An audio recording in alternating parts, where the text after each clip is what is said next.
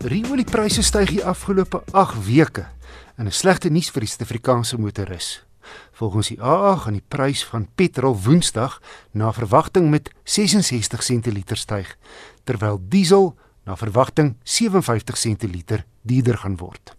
Boonop gaan 'n verhoogde brandstofheffing, soos in die begrotingsrede aangekondig, op 7 April 'n stygings van 27 sente liter meebring. Hiervan gaan 15 sentiliter na die algemene brandstofheffing, 11 sentiliter na die padongelukkefondseffing en 1 sentiliter na die koolstofheffing.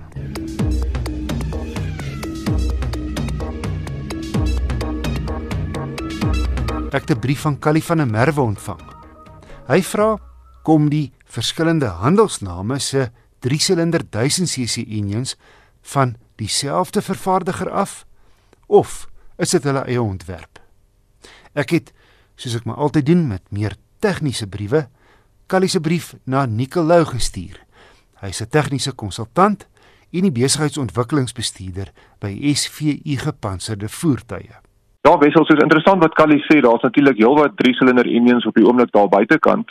En uh, ons weet as van 'n ingenieursoogpunt af as mens kyk na 'n uh, engine dat die optimale kapasiteit per silinder is so 500 cc. So mense sal sien dat die meeste 3 silinders is so 1.5 liter of kleiner. Dis half die optimale grootte. So nou kan 'n mens begin dink nou maar is al die engines dieselfde op ontwerp elke vervaardiger sy eie engine, maar daarmee moet ek dan sê dat daar is definitief voordele as 'n mens engines kan deel. Ons sien dit selfs op platform vlak dat baie vervaardigers deel selfs platforms. So daar is wel engines wat gedeel word. As ons kyk na die Nissan Renault alliansie, daar word heelwat uh, engines gedeel en selfs tussen Renault en Mercedes word daar engines gedeel. Maar in die meeste gevalle het elke vervaardiger hulle eie engines. En 'n manier om te weet of 'n engine gedeel word of nie, as dit nou nie in die in die media bekend gemaak is nie, is om te kyk na die tegniese spesifikasie van die engine. Uh, iets wat ek altyd na kyk is byvoorbeeld die boor en die slag van die engine. In Engels staan bekend as die bore en stroke. En 'n mens kan dit gereeld tog al kry op uh, die media uh, webwerwe van die vervaardigers wat jy sê hoeveel millimeter is die deursnit van die van die boor en wat is die slag van die engine ook in millimeter. En natuurlik as die engines uh, verskil van mekaar, dan gaan daai millimeter van mekaar verskil en dan weet 'n mens dit is 'n verskillende engines wat gebruik word deur verskillende vervaardigers.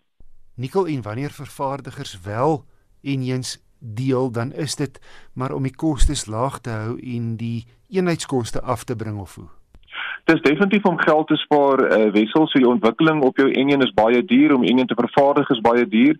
Jy sal wel kry dat die ingenieurs dan die kalibrasie op die hardeware nog kan verander. So jy kry dieselfde hardeware miskien tussen verskillende vervaardigers, maar elke vervaardiger het teen sy eie span ingenieurs wat dan die kalibrasie op die enjin doen om dan hulle teikens daal. So dit mag wees dat die werksverrigting vir 'n sekere vervaardiger self spesiale enjin bietjie anderster gaan wees as by die ander vervaardiger.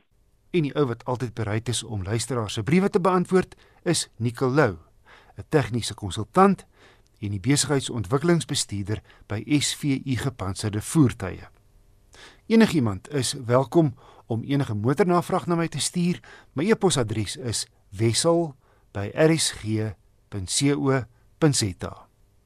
En onthou elke Saterdag se motorrubriek kan ook weer as 'n pot gooi op RSG se webblad geluister word.